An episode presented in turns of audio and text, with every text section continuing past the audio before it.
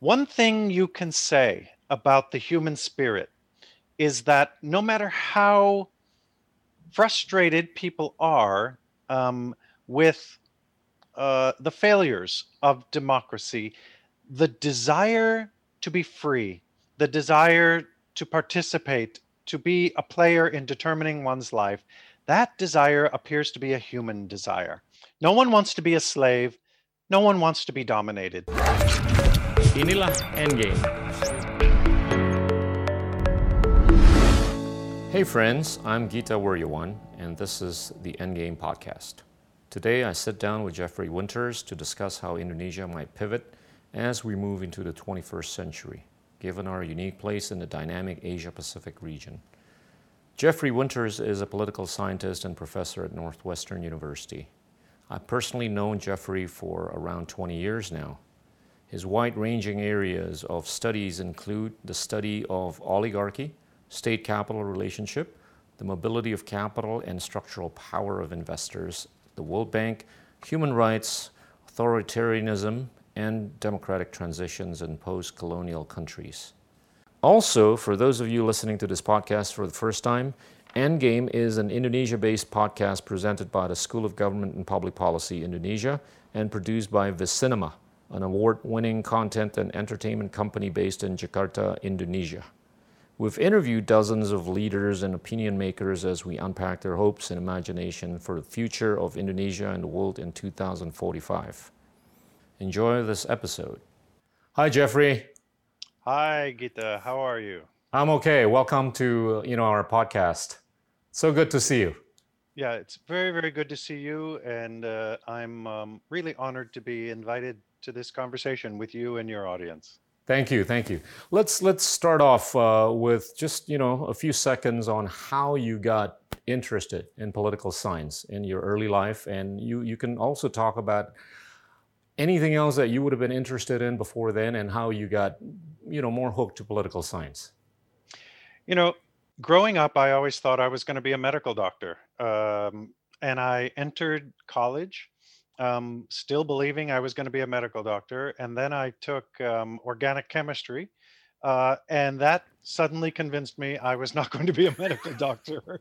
um, so it was kind of a choice, but imposed by the sorting system uh, that's in place in the United States to knock out pre med students. So I quickly had to figure out um, well, what was I going to be in life? Because you always have to have an answer to the question, what I'm going to be. So the only thing I could think of, and this was not being too creative, uh, the only thing I could think of was a lawyer. If you're not a doctor, you have to become a lawyer. So I thought, all right, I started telling all my friends, ah, you know, I didn't really want to be a doctor anyway, so I'm going to be a lawyer. Um, and I started to take government, economics, politics classes, history classes to really switch out of the pre med track. And it turns out I really liked that a lot more. So I ended up, um, I ended up graduating uh, as a in what at my college was called a government major or political science. Right. Um, and then it was, uh, you know, I thought I was just going to take a break from school, a kind of a gap year or two. I was going to go do something completely different. Um, and then I was going to get back on track. And that completely different thing was heading off to Java. Uh, wow. And and when I got there, I still thought I was. So I put all my law school admissions and things on hold. Um, and while I was in Indonesia during the time of the Suharto government, right. I became even more interested in political science, political economy. And about halfway through the time uh, that I was in Yogyakarta, I uh, decided instead of coming up with all kinds of theories, why don't I study this formally? Why don't I actually do a PhD in this? Um, so that's that's how I ended up doing political science as a profession. That that would have been what in the 80s or 90s? Yeah, I graduated from uh, college in yep. 1982, and okay. I arrived. So that's summer, yep. and I arrived in Indonesia in the fall, September 1982. Wow! And I and I stayed until 85. So I stayed okay. there om- almost three full years. Okay. Look, I, uh, we're, we're going to talk about Indonesia a lot, but let, let's let's go around the world a little bit. Okay, I wanna I wanna ask you about what we can expect uh, from you know this new era uh, called the Joe Biden presidency, and and you you have been a uh, an expert witness uh, into the politics of things in many countries, including that in the U.S. Right? Uh, talk a little bit about that and how you think well, it's going to impact you know upon the lives of you know people in Southeast Asia. Yeah. So um, I think people who know me from an Indonesia or Southeast Asia perspective really aren't aware that I spend an enormous amount of time actually studying the United States and US politics, in part because my main field is to study oligarchs and wealth power, and I look at that in multiple contexts. Uh, so I pay very close attention to the US, and this election. Um, in terms of foreign policy and in terms of what it's going to do to the United States engagement in the world, um, there's going to be an attempt for the United States to go back to where it was. Mm. Um, that is, uh, Joe Biden is very much a mainstream establishment figure, very much so. Um, he believes in an interconnected world. He um, he's known in his past to be among Democrats something of a hawk. Right. Um, he's voted for multiple wars that the United States has been in. Um, but here's here's one of the ch- so, so he believes in trade agreements. He believes in WHO and multilateral organizations. He also believes in an attempt for the US to have a position of leadership in the world. Trump was someone who withdrew. Yep. Um, Trump's view of the world was basically from a hotel perspective. Um, so his understanding was from a property real estate perspective. That's how he looked at the world. And and the world was, you know, am I going to make money from my hotel there or not? And he viewed foreign policy as are we making money or aren't we making money? Are we spending too much money on international organizations? Uh, is our trade uh, beneficial to us? If not, you know, are our troops uh, benefiting us economically spread all around the world? So he he was in favor of withdrawing the U.S. military presence, um, uh, and you know the U.S. military presence around the world is a problem, but it's also an element of leadership in the right. world. Um, and so, the biggest problem I believe um, that Joe Biden is going to face is reestablishing credibility mm. of the United States. Because one of the things that happened as a result of the Trump administration, but not just that, the base that voted for him and the role mm. that the Republican Party played um, in supporting him is that there was a withdrawal from uh, a position of leadership and a damage, great deal of damage done to yeah. US credibility. Um, and so people around the world, if imagine the US tries to reassert itself on any number of issues, from trade to monetary policy to conflict and peace. Uh, the question is who's really going to believe that the amount of votes that Biden barely got to win is really really means that commitments made now yeah. are going to be commitments four years from now. Um, and so mm. I think the world is wary mm. and justifiably wary of the tumult going on in US politics. Um, and I think it's hard for a country like the United States to fully reestablish its position um, under these under these circumstances. Wow. You know, I, I, read your book about the oligarchs, right? Which which I think apply to many places around the world. Uh, if if we take a look at the the election in the U.S., right? Uh, I, I, forget the the exact stats, but you know, Joe Biden would have won in 30 percent of all the counties, uh, whereas Donald Trump 70 percent of all the counties. But the 30 percent of the counties would have controlled 70 percent of the GDP, right? How how do you connect the dots here?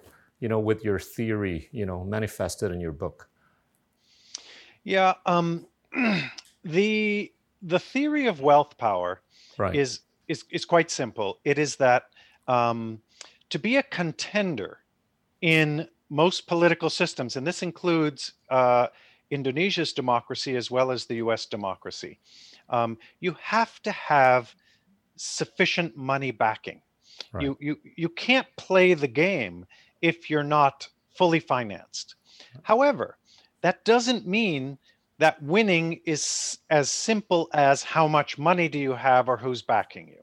So think of it this way. If there's a candidate who has a great set of ideas for the country, a great agenda, but has no money backing them, those ideas are very unlikely to prevail. However, if you have two candidates who don't have particularly good ideas, but they're both well backed, turns out those become your choices. Um, so it's the way in which money um, sets the uh, pretty much the parameters of the agenda and who people get to pick from democratically. So, do people still get a choice? Yes. But money plays a big role in determining who those choices are. Hmm. Okay, sounds familiar. yeah. but okay, let's let's peel the onion a little bit more here. Uh, how do we get to a situation where, you know, money behaves democratically, right? It's like water. It, it seeks gravity and it seeks return, right? But if, if there is no return and there is no apparent side of its ability to recycle in a good way, when do you think could we predict that money is actually going to attach itself to something that's good or a set of good ideas or a set of good whatever visions um, that's a that's a really good question and it's a hard one um, i think my own theory of the way money works in politics right. is that is that um, people who have a tremendous amount of wealth power also have many many issues that they're engaged in. I mean give you an example from again from the us say uh, someone who's a billionaire and another billionaire may have very different views on abortion. They may have very different views on the role of religion in politics. But what they share is a view of reducing the government's ability to take their money in the form of taxation uh, they want low regulation on their businesses. They want as few limitations as they can. And they want to defend their wealth against redistribution. That doesn't mean they're not philanthropic. There are many people who are very rich who want to help, but they want to use their money for things they want to support as opposed to what the legislature wants to do Right. with the money. And so um, most oligarchs are interested in what I call wealth defense. That is, making sure that their pile of great fortune is not taken and is not redistributed. Um, and that's what unites all the oligarchs. And then there's a million things that divide them. Um, so mainly it's certain economic policies. And on your question, well, how do we get them all to row in the same direction towards something that's actually good for the society? Um, to be honest, if we look at history, most of the time, the business community, and not you in particular, but the business community in general, um, tends to be more interested in their own fate. right Uh, and they go along with government, usually kicking and screaming, but they do go along ultimately. Um, that is, powerful decision makers need to have a vision um, and they need to bring the empowered wealthy folks along with them. Um, and sometimes, as in the case of Roosevelt after the Right. Great Depression in the United States, they take business along and save them, even though they didn't realize they were being saved. Um, so uh, I, I, I know a lot of oligarchs. I think to the last one, they they always strike me as very good, decent people, but not necessarily the policies they get behind for the society. Not always. Um, it's it's a challenge sometimes. But Jeffrey, I, I mean, I don't, I don't mean to drill uh, down on this. Uh, Yep. too much, but you know, isn't there a point where the resentment just becomes a little too excessive when mm. governments in some countries or around the world have become so evidently, you know, co-conspirators mm. as opposed to you know what they're supposed to be doing. Mm. by way of the pre-existence of you know these oligarchical forces. Yeah. Right? Yeah. And and where's that where's that inflection point where the fatigue or the resentment will basically entail a new beginning? Yes Yes, and you mean particularly, I think what you're saying, uh, Gita, is you're talking also about societal resentment. Correct. you? Correct. Yeah. Um, well, here's the here's I th- what what we need to be aware of. Um, just because super powerful people win over and over, um, and society ends up not necessarily working for everyone else, it doesn't mean that they win forever. Yeah. Um, and ruptures occur. Anger builds up and it becomes very dangerous. Yeah. Um, and it's when people are angry and desperate and they lose all um, trust in the yeah. established order, that's when figures can come forward and offer um, very extreme positions that ordinarily wouldn't sell yeah. to the population, but they sell under conditions when the established order repeatedly doesn't deliver. Yeah. Um, and and so um, one of the problems is people who are accustomed to winning over and over and over for themselves, they don't imagine that that gravy train will ever end. Yeah. Uh, and it either comes through cataclysm that is a, a tremendous economic rupture uh, that is the consequence of all of this behavior, um, or it comes from uh, very angry citizens who just have had enough. And and Gita, history is full yeah. of these lessons oh, that yeah. people that people don't learn. Yeah, you you talked about that in your book. I remember Yes. During the ancient Roman times and all that stuff. Sure, sure absolutely. And and Yeah. and these cataclysms continue right up to the present. So right. um, one of the one of the most difficult things in any moment of order is for people to imagine that the order is coming to an end. Uh, it's it's usually not visible to people until we until historians look back and say it was inevitable that this was going to end. Um, yeah, it seemed it it it it it, wasn't inevitable the day before it started. Uh, it didn't seem inevitable then, um, but in hindsight, we see how the pieces come together to be devastating for society. Well, sometimes I get confused as to whether or not I should think of oligarchy as a renewable resource or as a non-renewable resource, right? Mm. You know, just just by way of the sheer fact that it's been so sustainable in many economies, many countries, many whatever uh, nations. Y- y- you know, I think um, the, one of the most astonishing things about inequality, material inequality, wealth inequality, is that thousands of years ago, when it first emerged, remember that societies had certain kinds of inequalities, but they didn't have wealth inequality originally. So they had elders who were more powerful, or or seers of religion. Those were more powerful actors, or warriors were very powerful. So there were always inequalities in very early societies. But wealth inequality is one of the last major inequalities to emerge. But here's what's interesting once wealth inequality emerged, it's never been dethroned. That is, it has always been there. But here's the thing that varies. And I think it gets to your question, Gita, which is there may be tremendous benefits to having large sums of capital in certain people's hands because they're particularly creative or their investments are super productive for society and they produce things that otherwise wouldn't be there if those resources weren't in their hands. There's the benefit side of it.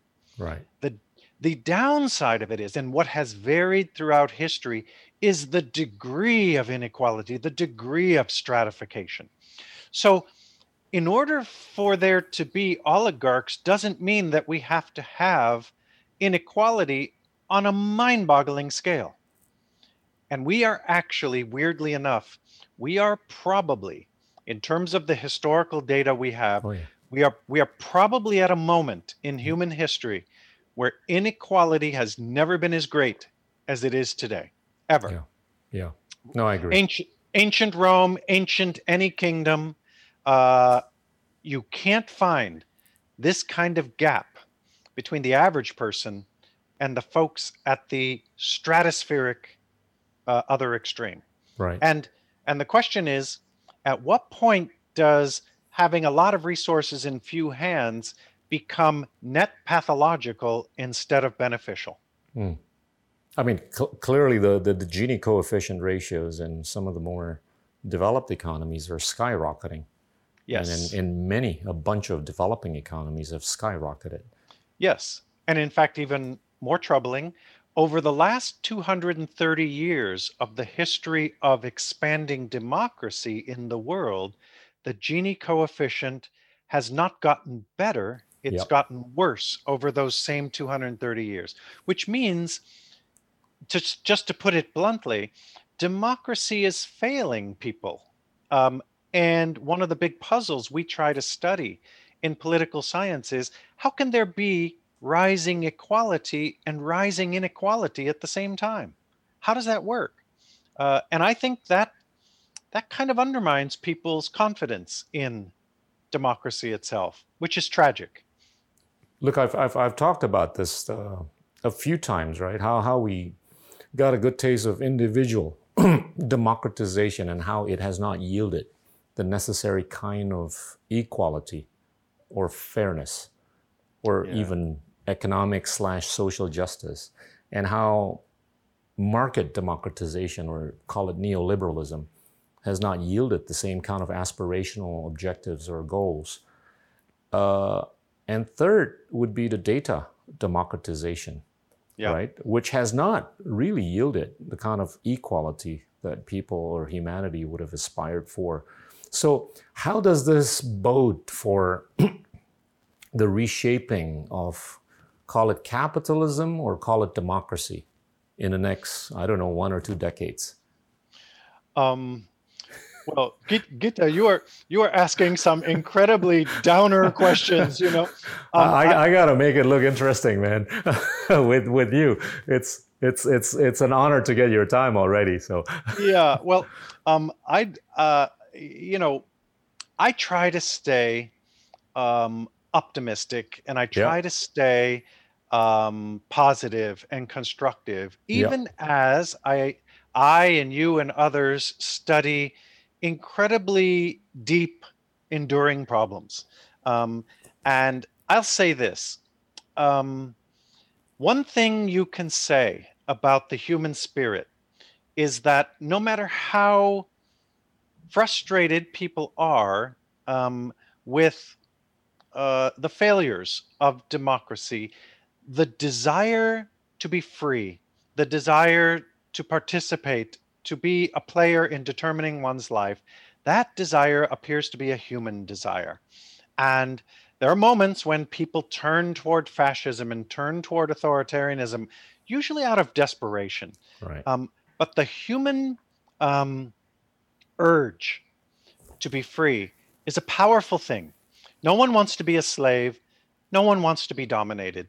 Um, and so that urge is not easily snuffed out. And that's a good thing.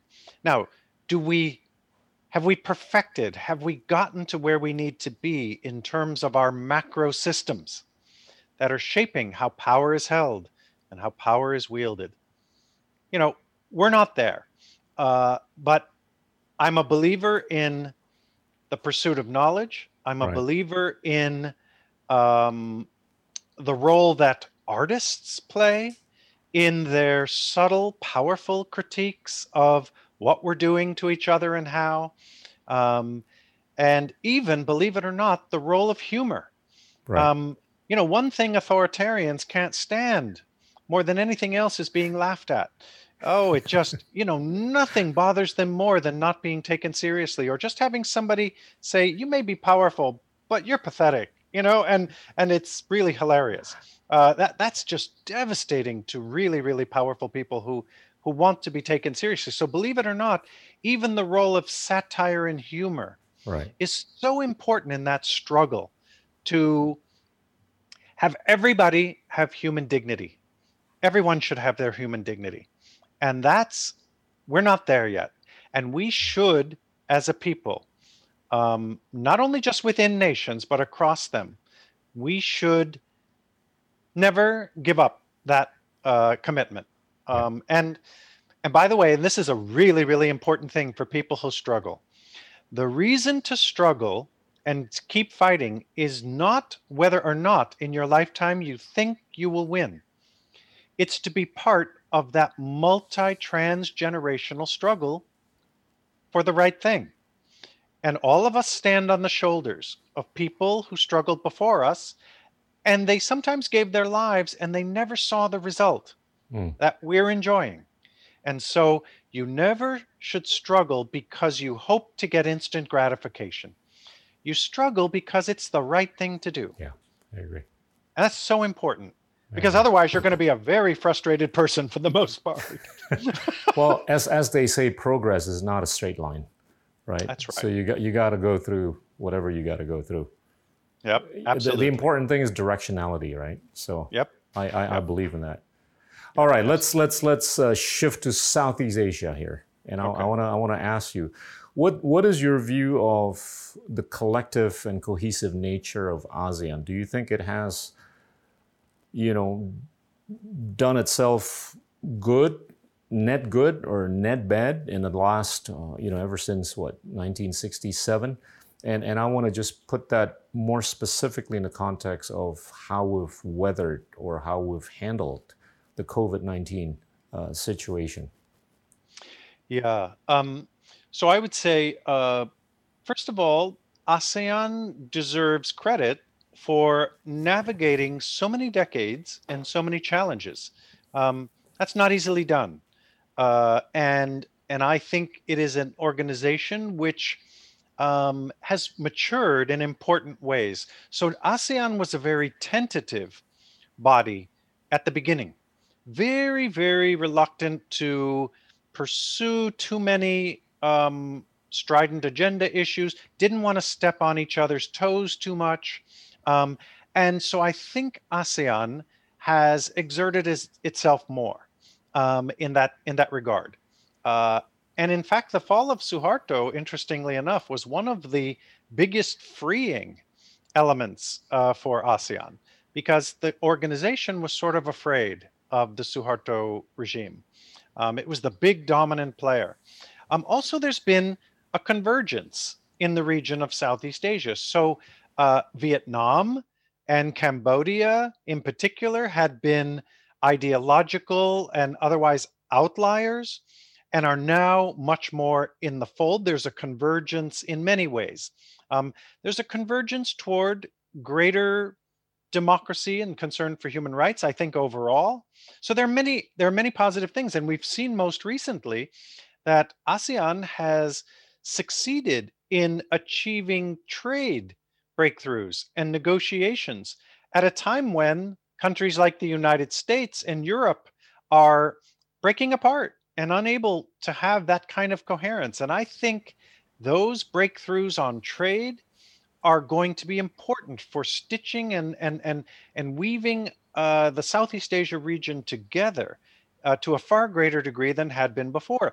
And Southeast Asia is an enormous market, um, and a very important one potentially. Uh, and and ASEAN is important for one last reason, which is um, you have a very delicate dance mm. with China. Right. Um, you can't live with them and you can't live without them. so for the last few thousand years. Right, right. For the yeah. last few thousand years, literally. Yeah. Um, and so and so that dance continues. And um, it is a combination of opportunity and fear.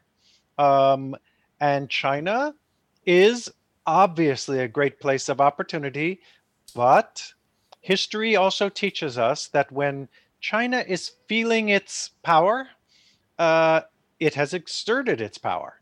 Yeah. Um, and so um, ASEAN needs an eye to balance, balance in the region.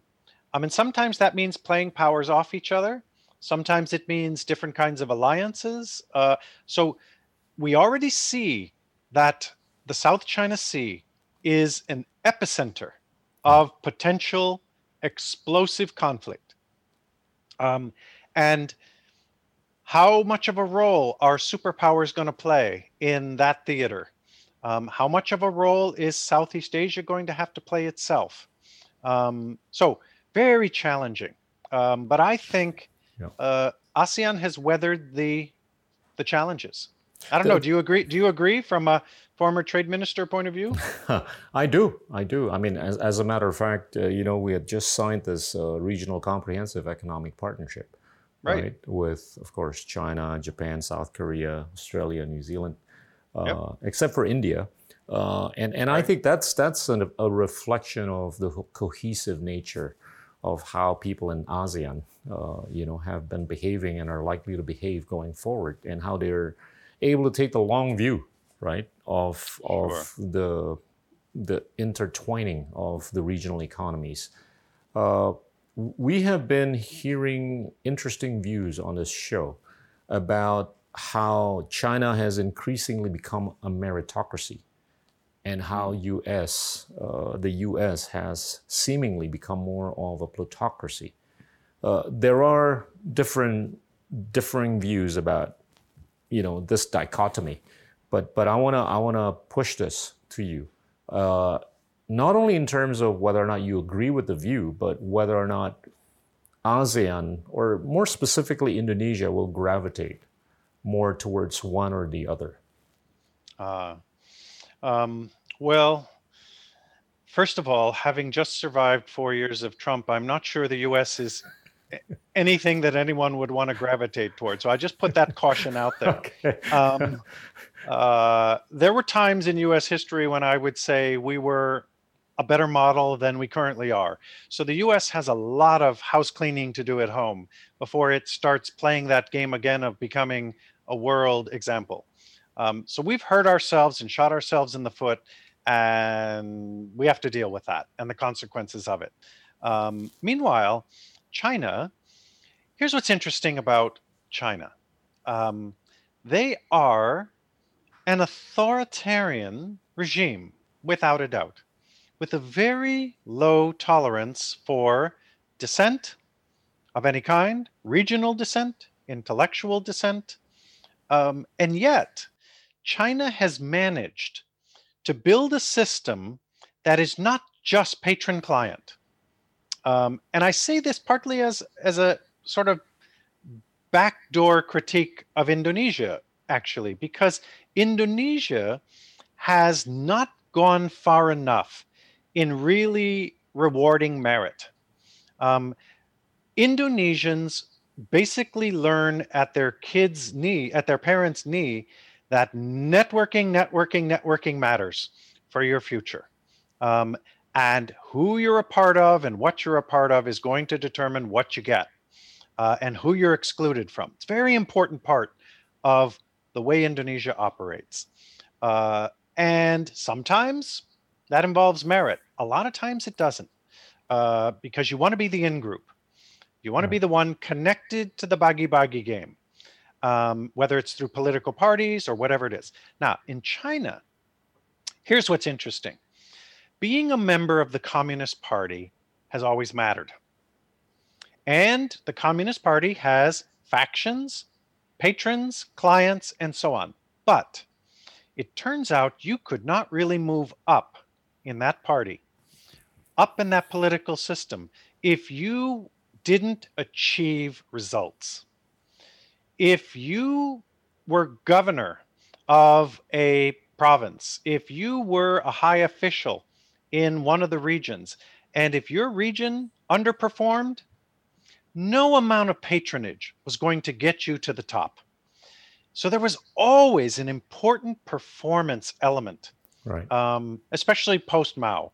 You know, was really built into the system. So what does that mean in the end? It means that China is a controlled environment in which, um, almost in a dare I say Singaporean way, uh, they built performance into the power game, both on the economic and on the political side. Right.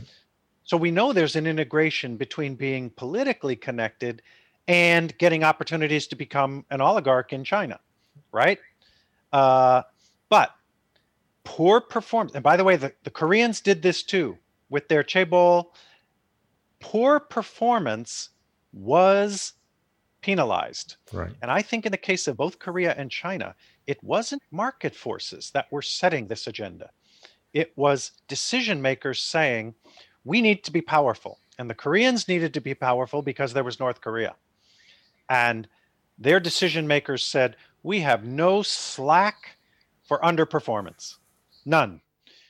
If we're, we're going to give you government resources, we're going to support you. But if you waste, if you steal on a mind boggling scale, forget it. Um, and China has built in some of the same kinds of things. But don't underestimate the authoritarian character of China. Mm. It's there and it's very real. Um, and that will come home to roost. Is is there a risk for meritocracy to be co-opted or undermined by this degree of I don't know the premium that everybody puts on loyalty in, in a typical authoritarian type of government, right? And and and if that were to happen, that that will erode, yes. right? Yes, it will. Or The spirit of I mean, the- meritocracy. it's you know, I I try to avoid a predictive uh, kind of situation because these things can play out in in a Yeah. lot of different directions. But for sure, um, risk is a key factor.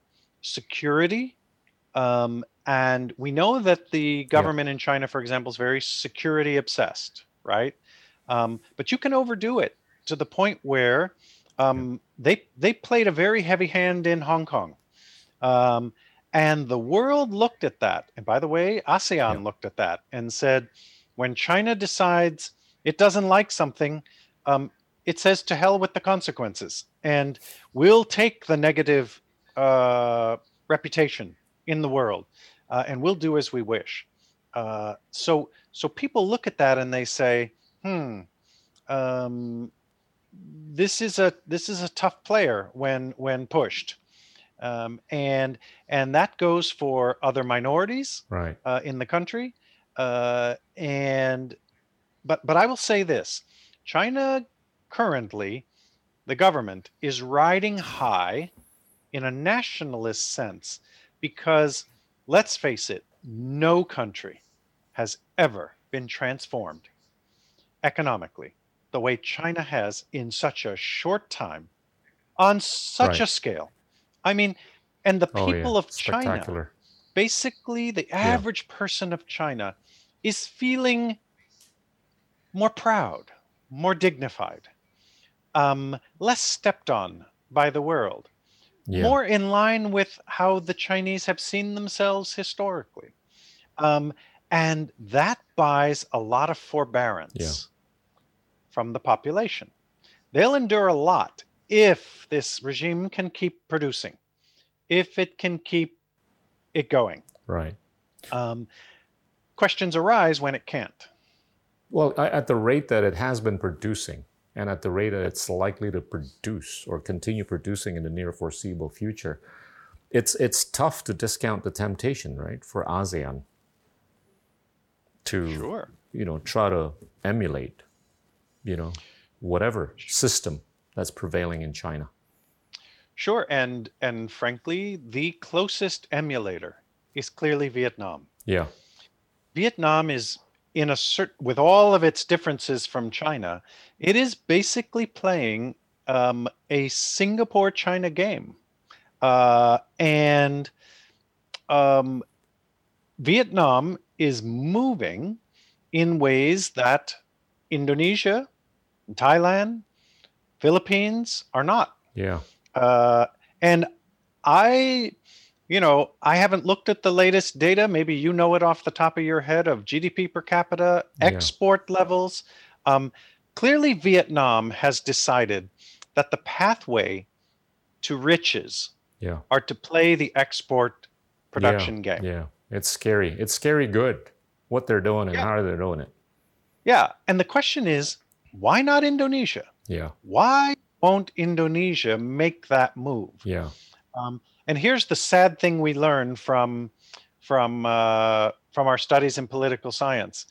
In order to make such a move, you have to feel a sense of urgency that you have to. Yeah. And in Indonesia, that sense of urgency is still lacking. Right. Um, so, what will create that sense of urgency? Hopefully, not some sort of horrible crisis.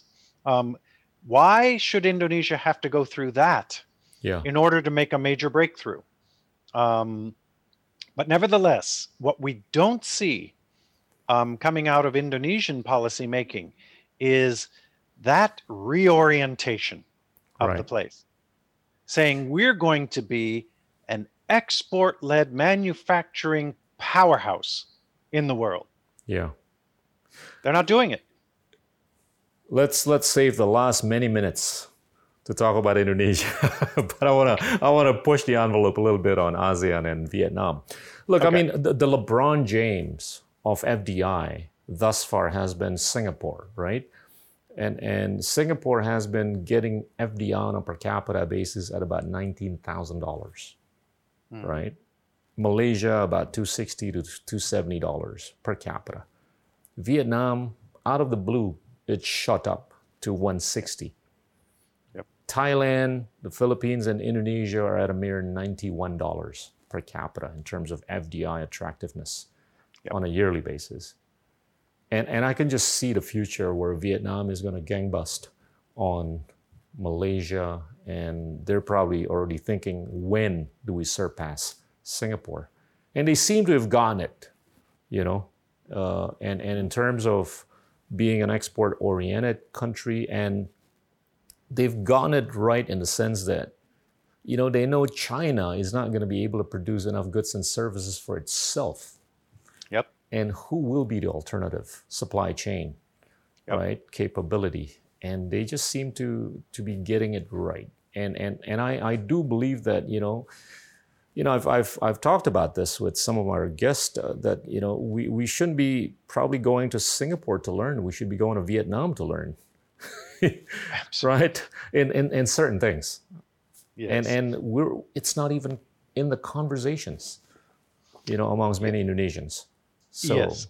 You, you know, um, the the you've hit on something which is so fundamental, which is Vietnam's posture to the world is very different from Indonesia's.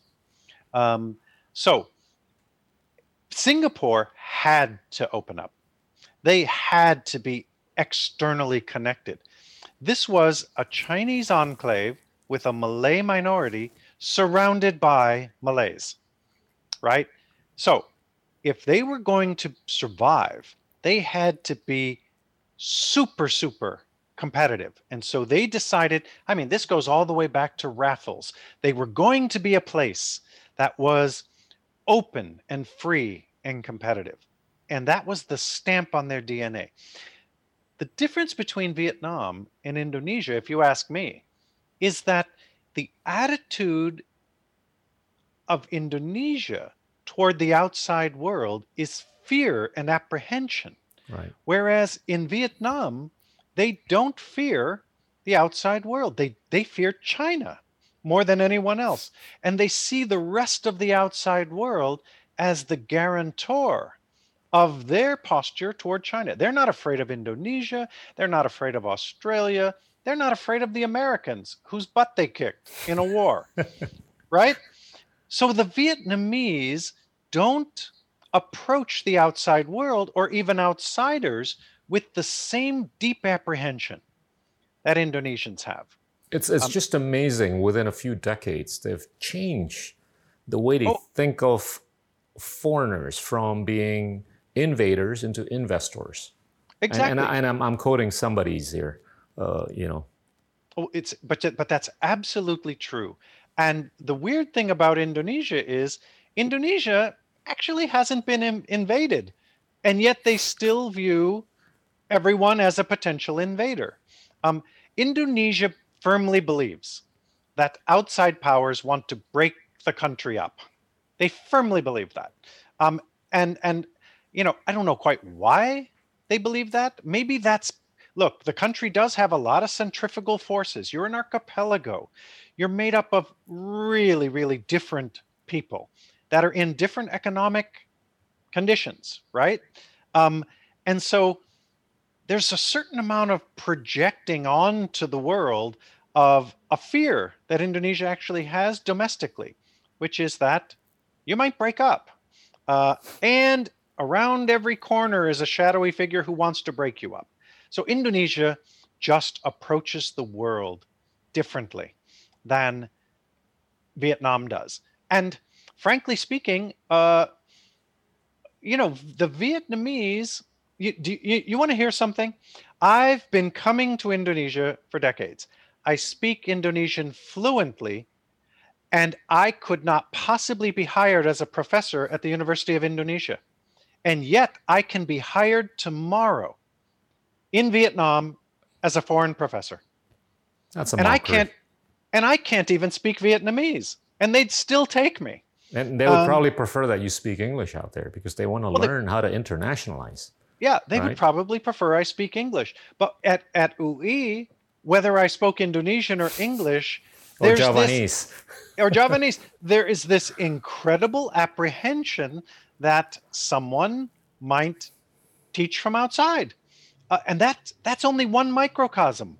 Uh, do you know that medical doctors that are trained outside can become fully accredited medical doctors in Vietnam from anywhere in the world, yeah. not in Indonesia. And on and on and on it goes. So Indonesia has enormous walls built up, and it's apprehensive. And, you know, I'm not trying to break walls down. I'm simply saying um, if you're going to integrate into the world and take advantage of the world's markets and its capital and its technology and turn it to your benefit, you've got to integrate and you've got to step up and compete. Uh, and the Vietnamese are willing to compete, and so are the Chinese. Um, and so you know better than anybody. You did FDI and you did trade. You've seen it. You know what you're up against. Um, yeah. And and here's one of the key things to understand: just because you integrate with the world doesn't mean the world dominates you. It's you, you know you've got to use it as a as a as a kind of a as an impetus. Know, yes, as an impetus, and also as a what's that called when you when you you know go around a planet and you come around it and you and you get kind of oh, slingshot slingshot, slingshot yeah, yeah. you yeah you, you've got to actually view yeah. the outside world as something that you come out of stronger yeah you, as opposed that, that, that acceleration by way of the slingshot yes. yeah that you acceleration know. that yeah. swinging around that ex it's it's all about leveraging those relationships not controlling them leveraging them right. uh, and the posture in Indonesia is okay, we'll have foreigners, but we think we think foreigners just want to make profits here. Well, yes, of course they do. Um, yes, they are not aid programs. They are not develop. You know, these people want to come, want to employ your workers, want a share of your market. But guess what? The dynamism of it all is transformative to the place. So, yeah. you know, there are enormous obstacles and they're deep and cultural. Uh, and I'm not sure, I'm not sure Indonesia can switch on a an engagement the way the Vietnamese did. I also think it helped that the Vietnamese won every conflict they were involved in. Yeah, yeah. so they they beat they beat the Chinese twice. They beat, they beat the, French. the French, and they beat the Americans. Yeah. Okay, so that that made them a little less Um, now, I actually spent some time in Vietnam, and this is the late 90s, uh, just before the crisis, just before 98 crisis. And there was still some paranoia. They were just making oh, yeah. the turn, but there was still some paranoia. And and and I said to some of the Vietnamese military people that I happened to be talking to, I said, frankly speaking, you are the last on the list of any country you know that someone wants to invade because you repeatedly give a bloody nose to anybody who comes after you. So trust me there are other places higher on the list that people would go after. I'm sure i'm sure they didn't disagree with what you said. Yeah well well they they actually turned their heads and said come to think of it who, Damn who right. would yeah, who would try to invade us? Even the Chinese don't dare try it again. Yeah, um, that's, that's so anyway. gotta that's gotta give them tremendous amount of confidence when they sure. walk into a room, when they sit right across you at the table, right? Yep. They come yep. to the table with that sort of a you know position of strength. Yes. You know, psychologically at least. And I can also tell you that of course, they call it the American War. We call it the Vietnam War. But the Vietnamese got over it much oh more oh quickly gosh, than yeah. than the Americans did. Yeah. Um, they got over it. They said, "Hey, we've got to move on." Uh, and yes, we'll open up diplomatic relations and so on. And it was the Americans because they lost who couldn't handle it.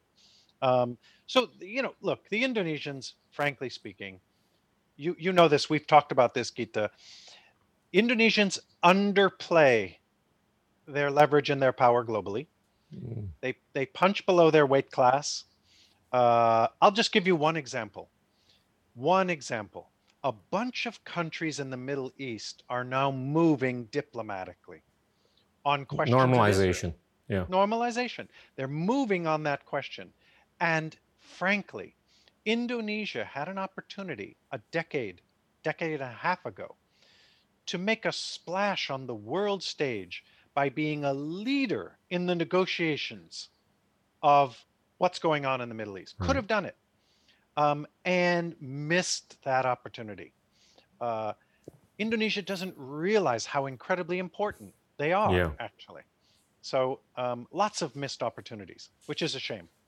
We we actually talked about it in in the other show, uh, and and how I, I didn't talk about how we would have missed the boat, but I I put that in in the context of how this could be an inspiration for Indonesia. Yes right? Yes. Uh, it's it's okay to be a follower. We we don't need to all the time be the leader or the pioneer. But sure. but you know, going back to the Vietnam example, uh, it's just you know that ability to put forward first principles thinking, right? Mm-hmm. Mm-hmm. And it's okay. Let's let's segue to Indonesia, your okay. your most favorite place. My favorite place by far. My second home. What what would it take then to awaken from this sleep or I don't know, sleepiness so that we could be the LeBron James or we could be the Steph Curry. Yeah. Um, so and, and this I think dovetails back into you know our earlier conversation about oligarchs, right? And and and please go ahead. Yeah. So one of the biggest um, triggers or or, or, or push factors for a country is fear. And mm. Indonesia has no fear. Um, Indonesia's biggest fears are domestic, never foreign. So uh, oh, there's all that paranoia I was talking about, but it's completely un, unfounded, right? Um, so no one is poised to invade Indonesia. Um, and frankly, most of the big powers don't want to see Indonesia break up because that sure. would mean an enormous amount of complication. So yeah big fear factor can really focus the minds of decision makers and economic actors. It can work that way in certain circumstances, and it has in the region of Asia for sure. Um, but on the domestic side, uh, Indonesia, as I, as I said a while ago, has lacked a sense of urgency. And the question sort of turns on what would be the breakthrough? Does it take a crisis? I hope not. Um, but maybe, maybe what it takes is a generational change. Mm. Um, so we have people in charge today who, let's be clear about it, were raised in the Suharto era. That's what they were raised in. Everybody who's in charge, parties, corporations, uh, the palace, everybody grew up under Suharto. And that mentality of the Orde Baru casts a long shadow. But there's a younger generation coming up now.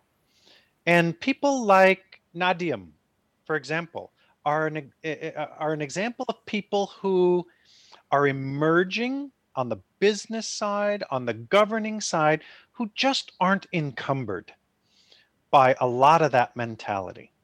Um, so I would say now is the moment when a younger generation has an opportunity to assert itself and say, we want to forge a new Indonesia. We've given a lot of the old ideas a long run. They've produced some results, but it's time for a dynamic new thinking. Um, if that kind of narrative and voice emerges, there's hope. Um, but that also means Indonesia has to set aside some of the divisive politics that is currently hampering the country. Uh, and a lot of that politics centers around, unfortunately, questions of the role of religion in society and politics. That's a tough one for Indonesia.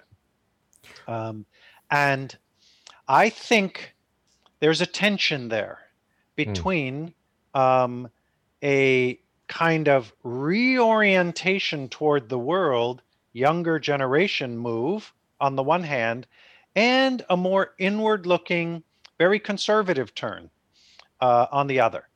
And it's in the hands of Indonesians to decide which way they want to go. And by the way, that comment I just made is in no way an attack on the role of religion in society. Not at all. Yeah. It's it's more of a comment on whether fundamentally religion is going to be something that is voluntary and between a believer and their God, or whether it's something that's compulsory, meaning the power of the state is engaged. And what we can say looking around the world is that in places where religion goes from being something that is in civil society, where a society can be very religious, but the state isn't involved. It's you and your mosque, you and your church, you and your temple. And that's, there's no problem with that. And a politics of development and global engagement and so on. But when religion becomes an issue of enforcement and law, a very different outcome faces a society. Uh, and Indonesia is has multiple times in its history played with that issue of is society going to be society going to be religious or are the politics going to be religious? Um, and that is something you've, as it were, bounced off of multiple times, um, and you're facing it again right now. Uh, hmm. And it's a it's a tough one to navigate. Yeah. Um, and, and and that's a that's a challenge.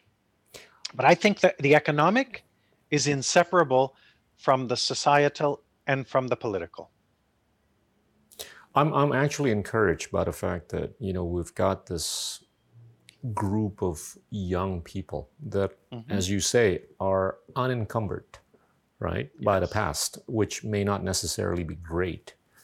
Uh, and at the rate that, you know, we've, we're, we're likely to hear more of these voices vocalizing all mm-hmm. the positivities. Mm-hmm especially in the context of putting food on a table, mm-hmm. I think there is there is optimism in sustaining secularization, mm-hmm. right? And and that I think is is has been a characteristic of Indonesia's past, which I think has been beautiful, and has been a characteristic of Southeast Asia, which has been beautiful. That's how we've been able to basically maintain our cohesiveness. There are these, of course, you know, episodic stresses that yes. we're going through right now, which cause us to ponder or pause, right? What's going on, man? You know, there's mm-hmm. this push and pull, or pull from both directions. But but I, I, I do believe that you know at the rate that we're going to see more and more of these young generations thinking in the right manner for the people in the country, that that just gives us hope for Indonesia. Sure. And sure, and redefining redefining the Indonesian identity. Right. What does it mean? What does it mean to be Indonesian? And that's a question of being aware where you've come from, where you are now, and where you want to go. It's those three brought together, right? Um, and sometimes the older generation, sorry to say it, they're a bit stuck yeah. in the past. And the younger generation can't be, as you said a moment ago, they can't be unaware of the past, but they need to be unshackled Correct. from the past um, so that they can be agile, so they can move in a LeBron James kind of way. Right. Um, or Steph Curry kind of way. Yeah. Or, who, or whoever. Or, uh, you know, uh, Sugiarto, what was his name? Icuk. Icuk, Sugiarto. Sugiarto.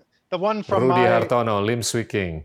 Yes, all these very agile players who adapted yeah. rapidly to changing circumstances. You know yeah.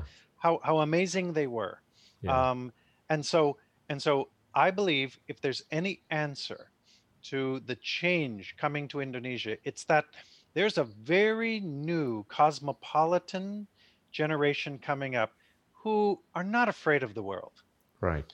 Are not afraid of the challenges, not afraid of the competition. But speaking of shackles, Jeff, uh, we seem to be shackled, right? However good we are, however excellent we are, we seem to be shackled systemically by a pre existing political system. And, and I want to push this a little bit. I want to compare this with some of the more positive illustrations earlier with respect to Singapore, Vietnam, and China, where there is no multi party system mm-hmm. where one guy basically makes decisions for most people, if not everybody in the country. Whereas in this country, in Indonesia, we have a multi political party system. Mm-hmm. That, in a way, inhibits our capacity to think, right? What matters in the next 50 years, right? Mm-hmm. Isn't that a systemic issue that we've got to basically think about or try to address? Yes, but I would say this. Um, on the question of whether a society advances or not, I don't think democracy is either necessarily a tremendous benefit or a liability. I don't think it's the right uh, issue to focus on. I think the real question is what motivates decision makers to set up the parameters in a way, coming back to you, what you said about meritocracy earlier. Right.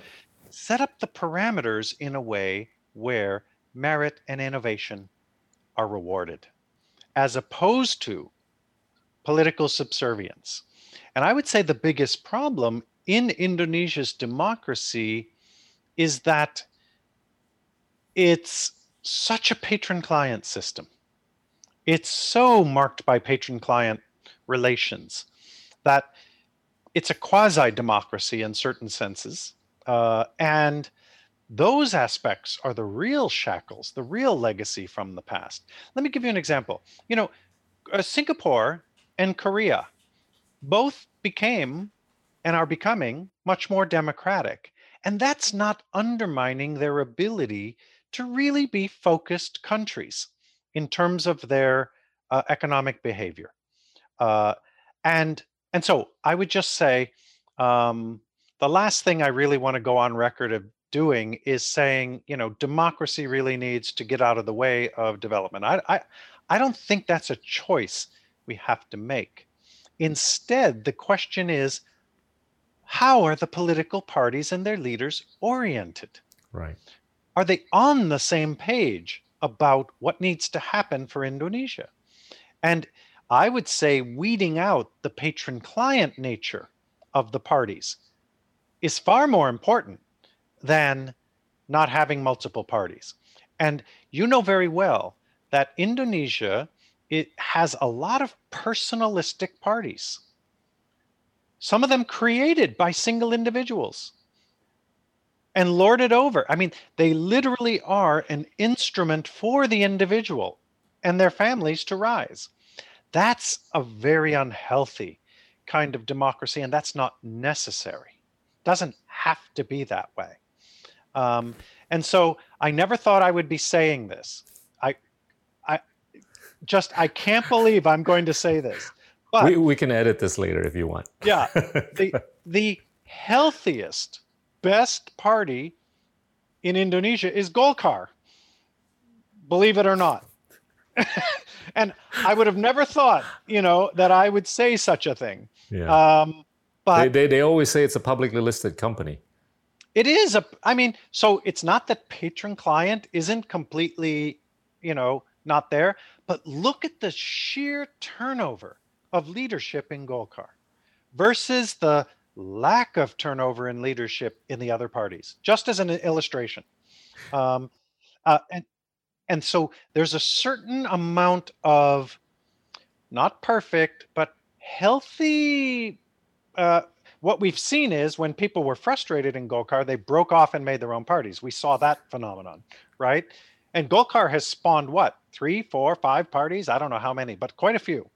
Um, but nevertheless, I want to go on record as saying democracy and freedom aren't Indonesia's biggest problem.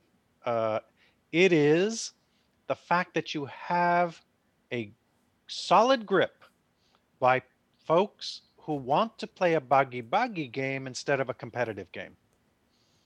Um, which is why, no matter who wins and who you ran against, they end up in your cabinet.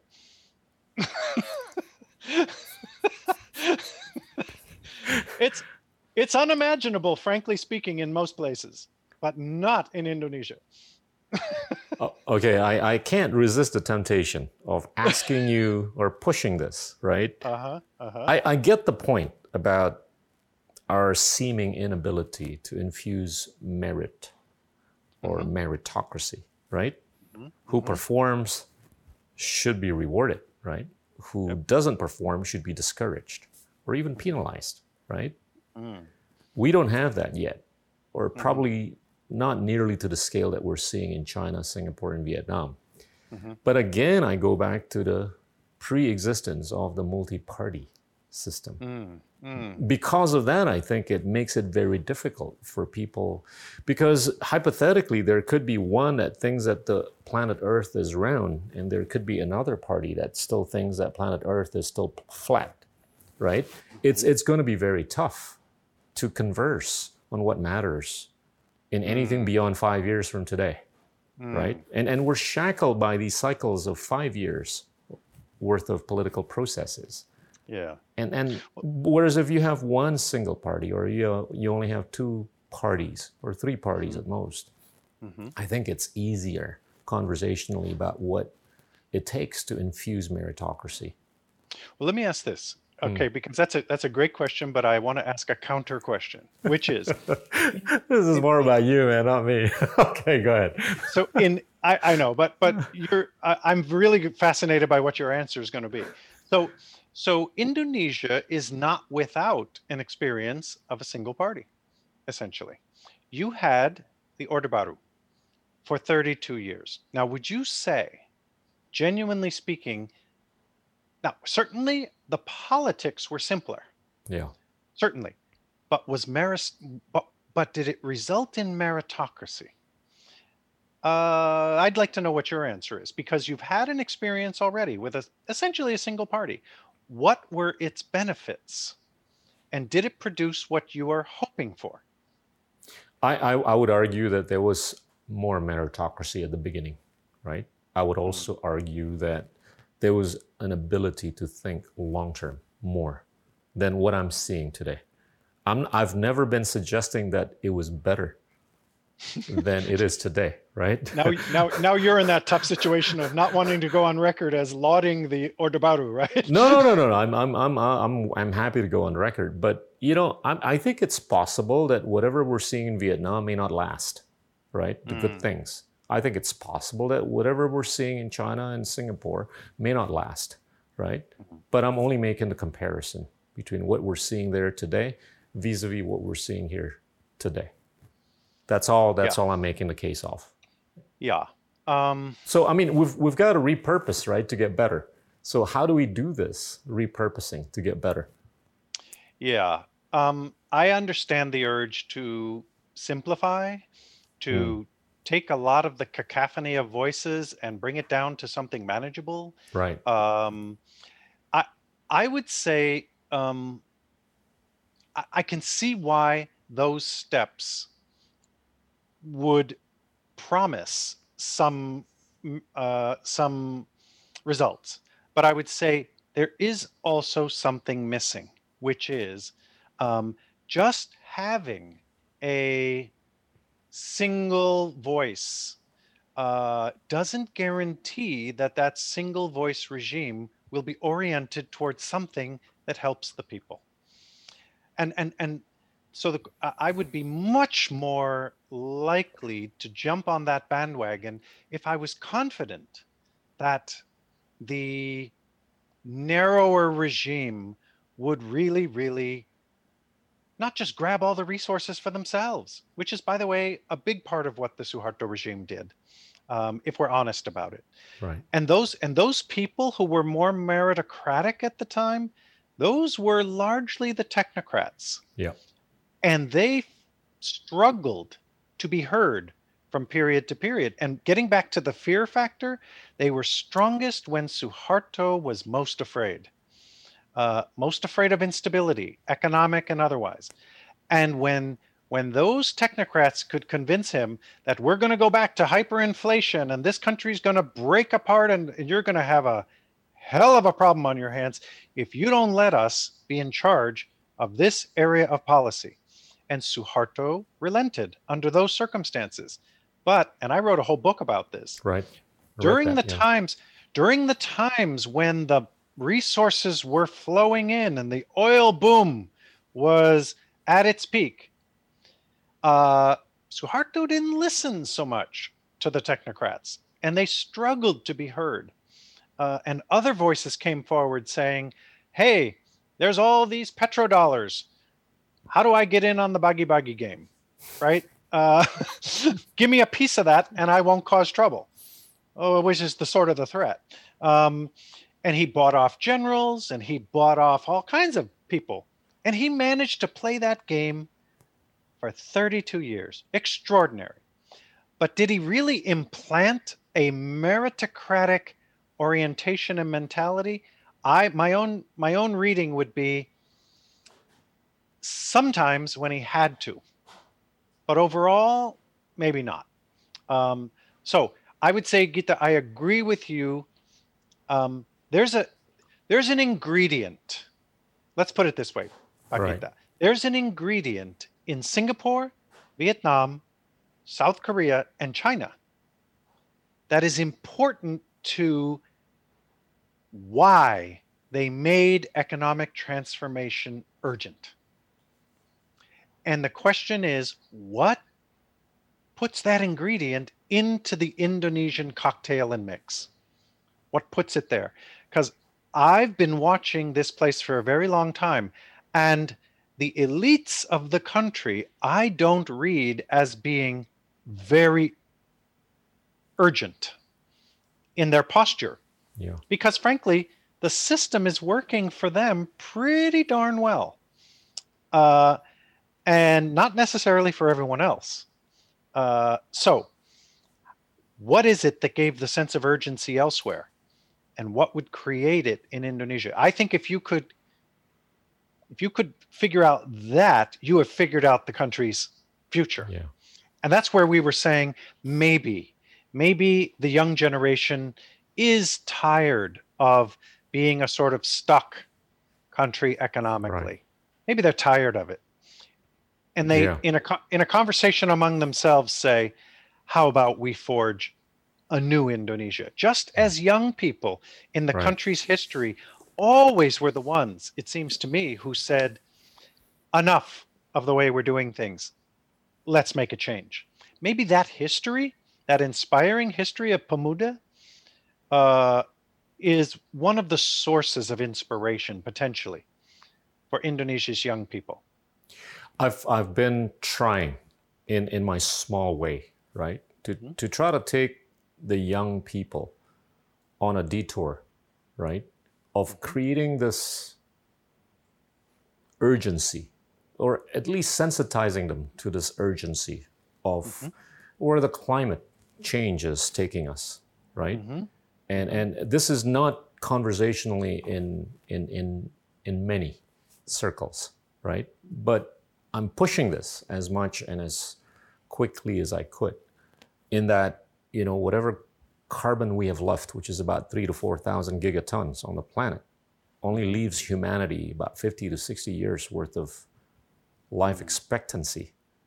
Mm. And that, that awakens some of the, the people that I've talked to in classrooms, right? Yeah. Holy shit. I mean, it is a holy shit moment, oh, right? Yes.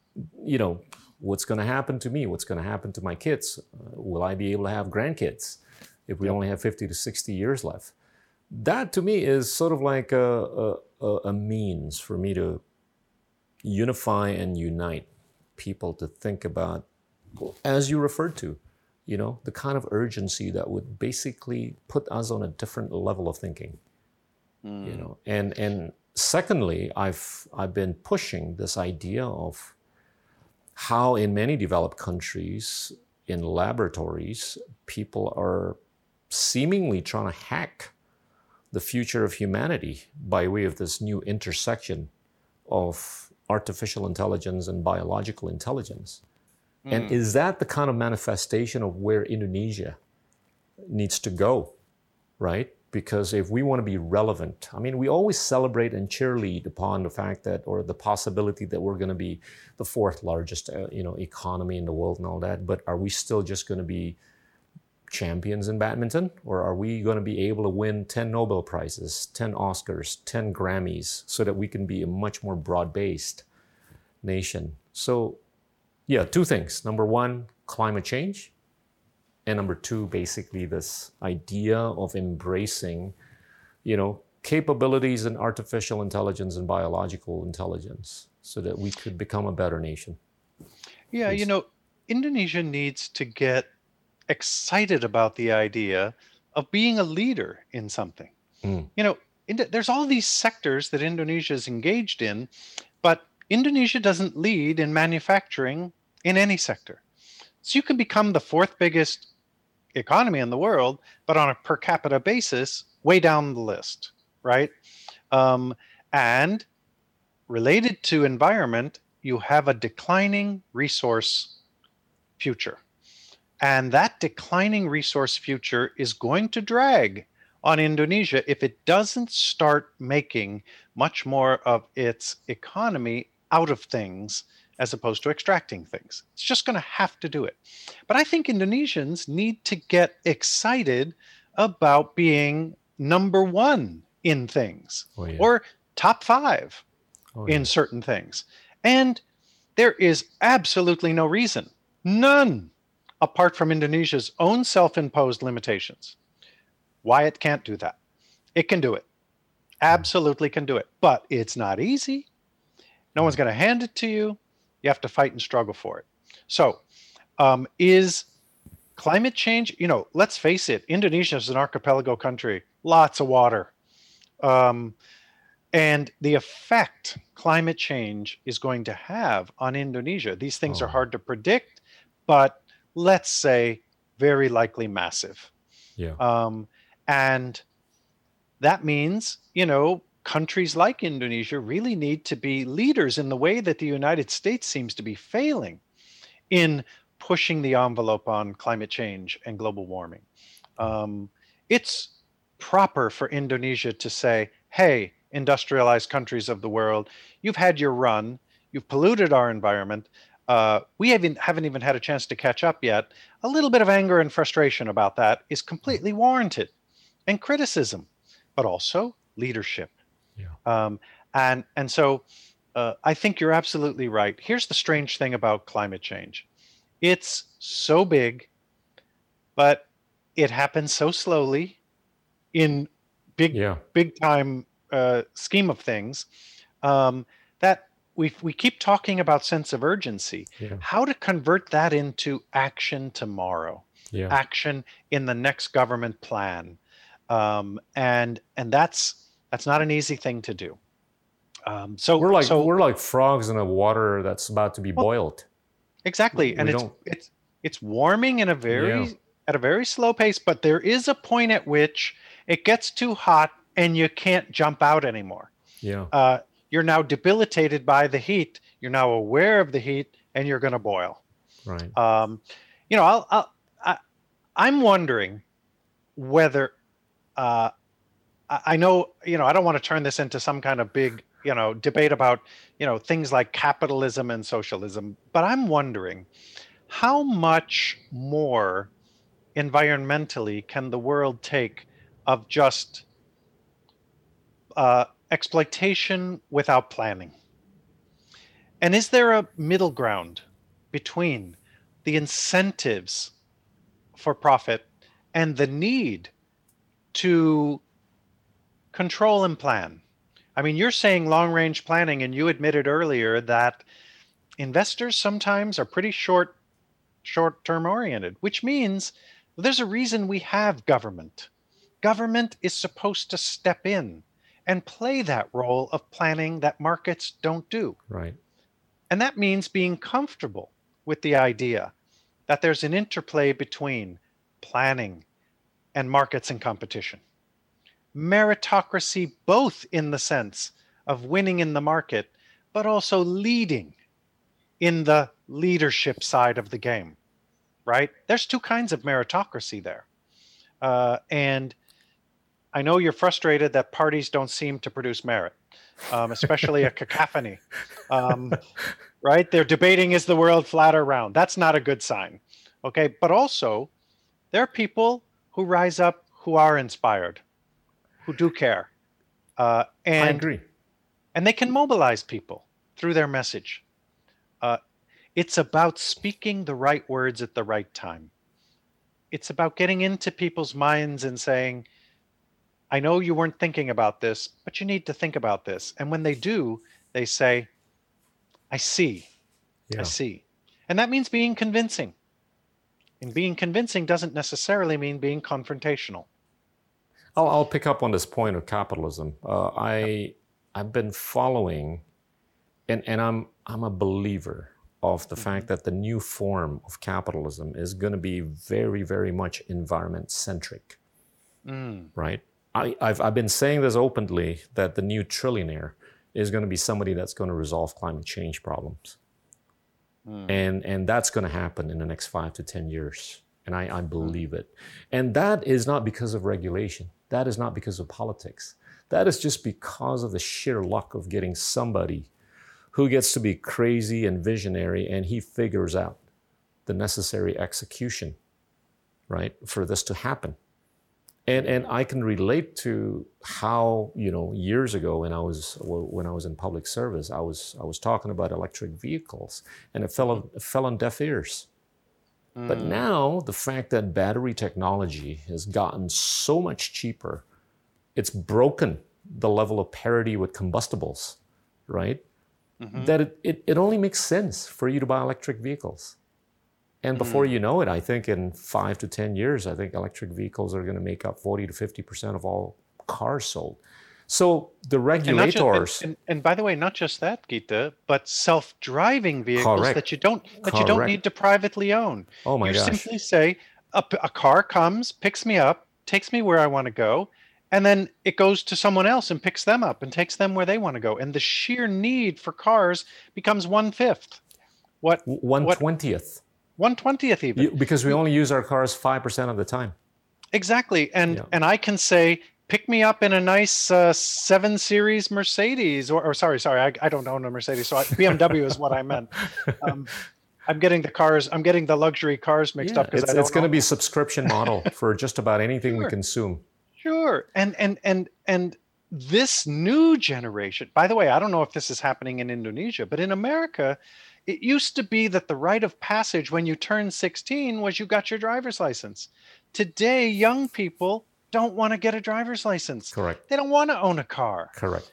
There's a change in that mentality. Yeah. But here, I, I, to be a little bit of a downer, I want to just say here's what I notice about our current mega billionaires and trillionaires.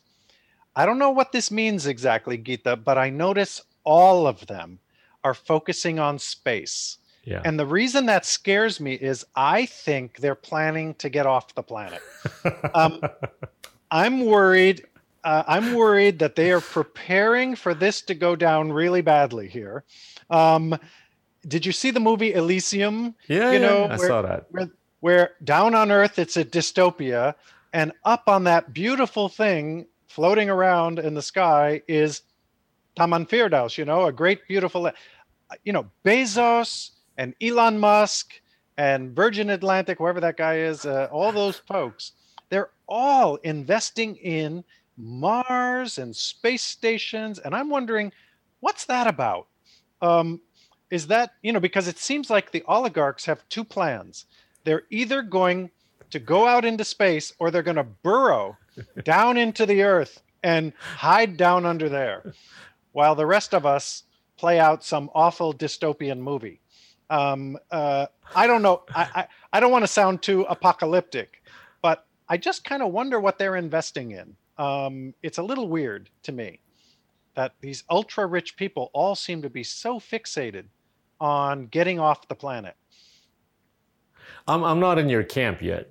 I'm I'm, I'm, I'm still in the camp where I'm I'm still in the camp where I believe that they're just I think they're true believers of existential, you know, crisis by way of Hmm. a meteor or Hmm. anything that's going to cause disruptions in a big way to planet Earth. And and we do need an alternative. And and there, there is a pattern, right? They've, they've been able to disrupt things in the way we buy books. They've been able to disrupt ways, you know, the ways we've we've been transporting ourselves from one point to another in, in a more efficient manner, right? It's not all about themselves. I think it's all about how to make it easier, how to make it cheaper, how to make it more efficient for as many people as possible. Yeah. You know, I'm sorry to keep making these references to Hollywood, but you know, it seems it seems that the only time, at least in Hollywood's version of reality, the only time the earth truly comes together is when there's either a meteor or some kind of attack from aliens, right? then we all set and there's always those scenes in the movie where the Chinese are working together with the Americans and the Russians and every and the Middle East is working together with the Israelis and so you know the, the Arabs and the Israelis it's always that moment when we are simultaneously threatened. And the question is we still view, unfortunately, we still view the uh, environmental threat as segmental. That is, who's going to bear the burdens? Right. And it's unfair that we bear the carbon burdens and you don't. So we, it is a systemic threat in the same way that a meteor is, but unfortunately, we're not reading it as a common threat yet. Right. right. Yet. And the moment we can actually, I mean, look at what Trump did. Trump, Trump unsigned us from the Paris Accords for Yeah. crying out loud. You know, I mean, talk about a segmental view. His view was, Yeah. hey, we're not making money on this thing, you know, uh, and he pulls us out. And by the way, his backers in the United States, his base, applauded him for his America First approach to the environment.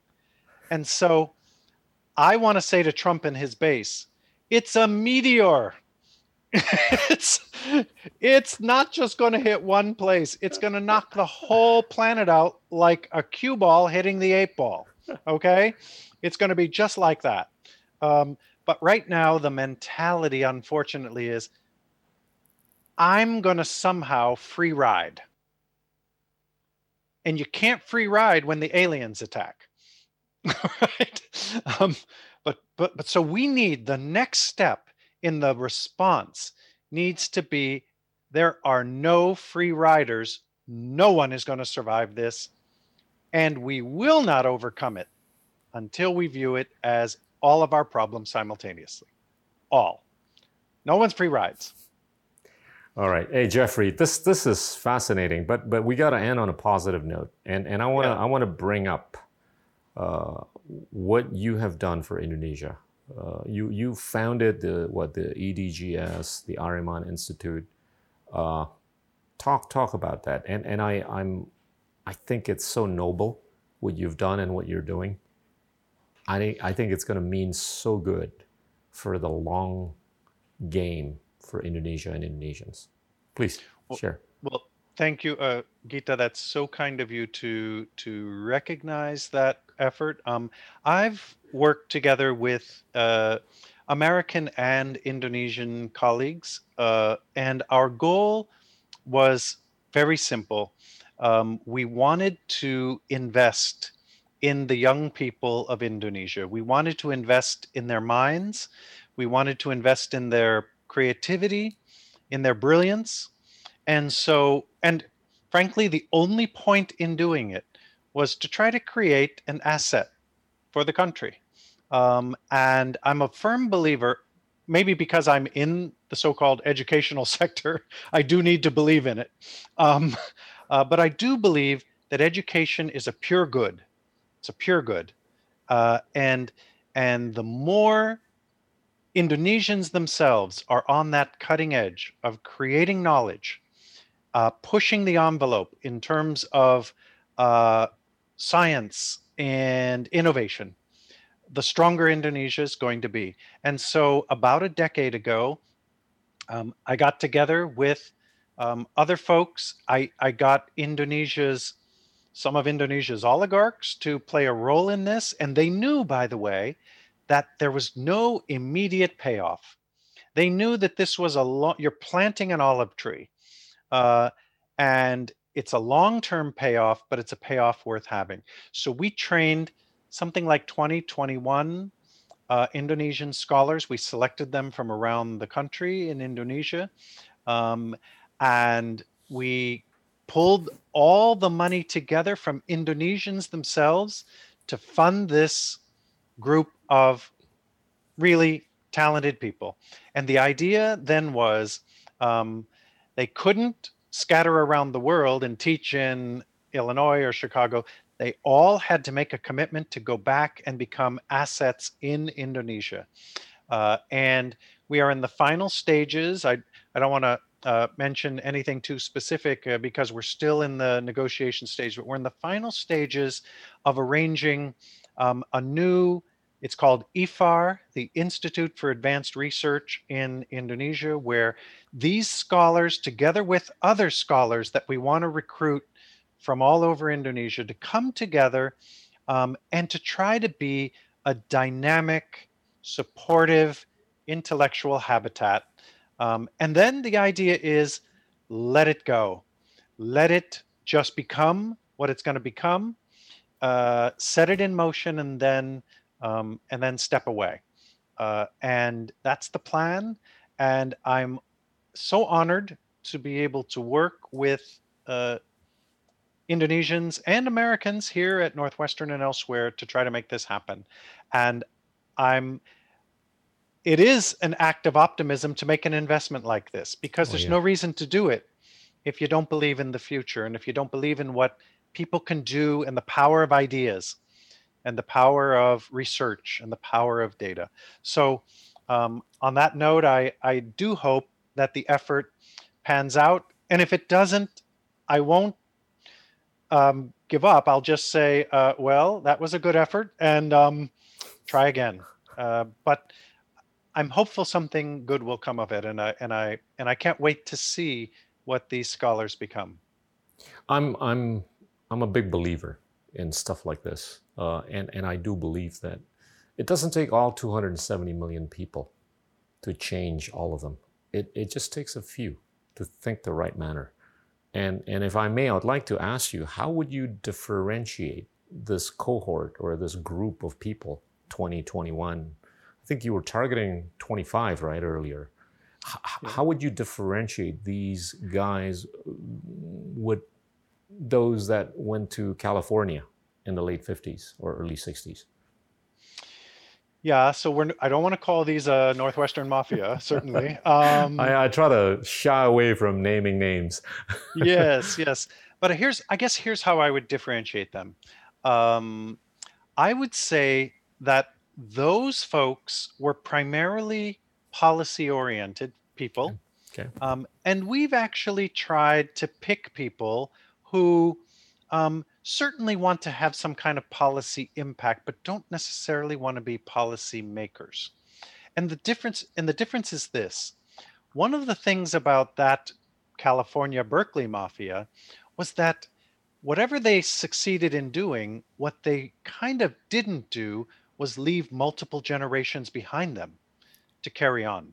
And so one of the designs of this program was to say you start with 20 but they teach masters and PhD students wow. in an educational environment, and then their students multiply generation and they keep. And it's so we've trained only the tip of the iceberg, but this plan is a hundred years long, and the number of people that would be the anak buah, the cucu, and the great grandchildren of them intellectually, we hope will carry on carry on their mindset of inquiry, carry on their mindset of the importance of ideas. And some of those people, maybe they'll become policymakers. Um, or maybe policymakers will listen to some of these scholars and their advice and their insights. But we actually made them promise they won't themselves become ministers. Um, no we kidding. want them. Wow. Yeah, they. Wow. We want we want them to be lifelong scholars, truly committed to transforming higher education so that higher education will produce those people. Um, so it's a it's really an investment in education, but we hope, of course, that it'll have ripple effects on policies and decisions. Um, but by reading their scholarly books, not by wow. themselves being the policymakers. I know that's a that's a limitation, but we saw that many other similar kinds of efforts ended with people becoming policymakers and the educational lineage stopped. Hmm. So, and this is just one approach. May a thousand flowers bloom. Others have other ways of doing it. I know you yourself are engaged in education, and you might, and I know you want to produce policymakers, and oh, that's yeah. important and that's needed. But we are trying to fill a need which we think in the broader division of labor has a contribution to make. Um, but it's not the same as the contribution everyone else is making but they they're complementary. They fit together. So that's what we're and we don't think we don't think our approach is better. We just think our approach mm. fills a need that's there, uh, and we really hope that um, these folks will will have an impact. At, at the school I teach, uh, we're not necessarily producing or trying to produce policy making personalities. Uh, we're, we're, trying to create optionalities so that they could go to social enterprise, public mm-hmm. enterprise or private enterprise. That that I think is the differentiation. But let me let me go back to your situation. I mean, given the fact that the educational budget within the Indonesian government is so massive, why not get them excited about producing not just 25 but thousands more that are going to be involved solely in research, academic pursuits, as opposed to policymaking pursuits. That I so think is going to mean even more for Indonesia. Sure. So, so we we view this program as not a one-off thing. Okay. We we view it as an experiment, a model, and if it works well, and it really does produce what we hope it does, we believe that model will catch on, and it will attract the resources from the government the government didn't pay for this. In fact when the mm. when the ministry of education found out this existed they were genuinely shocked that any group had invested separately in this. And by the way we invested in it not knowing whether anyone would pick it up and find it valuable. But our our university partner, which is one of the leading universities in Indonesia, is excited about this, wants to see it really flourish, you know, wants to see it have a ripple effect impact throughout the university itself, and wants to scale it up in a really big way. So Wow. all those things you said a moment ago are exactly right.